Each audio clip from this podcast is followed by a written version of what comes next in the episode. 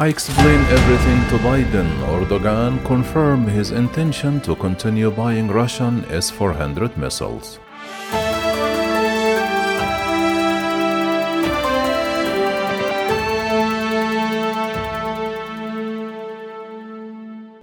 Turkish President Recep Tayyip Erdogan has confirmed his country's intention to proceed with the purchase of the S 400 missile system from Russia, stressing that no one will interfere in choosing the type of defense system we buy.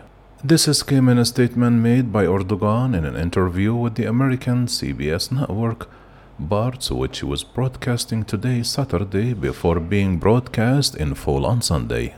In response to requests to comment on Russian statement that Ankara intended to buy more S-400 missiles, the Turkish president said, I explained everything to President Biden, knowing that the United States refusal to sell the American Patriot system to the Turkish prompted this government to buy a Russian-made system as an alternative.